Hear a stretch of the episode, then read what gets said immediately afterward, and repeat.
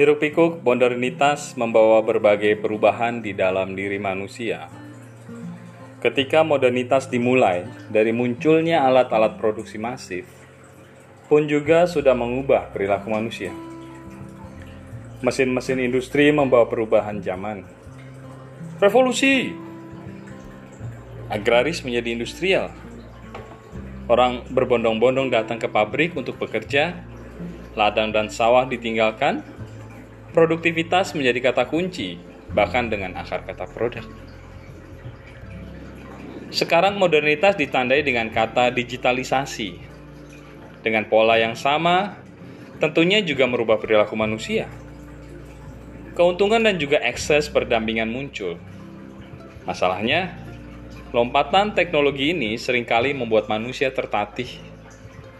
Orang tidak sempat mengolah dalam diri dan batinnya, kemudian larut dan hanyut dalam arus teknologi digital. Apakah salah jalur?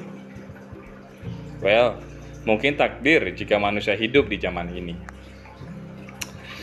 Menurut Sigmund Bauman, ketakutan terbesar manusia modern saat ini adalah kesepian dan takut ditinggalkan.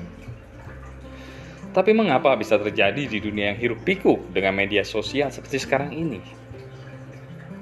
Karena mesos tidak digunakan untuk memperluas wawasan, tetapi lebih pada menempatkan diri pada zona nyaman dan aman. Orang bisa memilih dengan siapa dia berteman, menghapus teman yang dia tidak suka, dan yang terpenting, suara yang dia dengar hanyalah pantulan suaranya sendiri.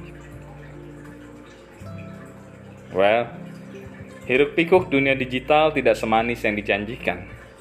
Ada sisi kelam dalam hingar-bingar revolusi teknologi ini Apakah kita menyadari itu? Atau kita juga larut dan hanyut dalam arusnya?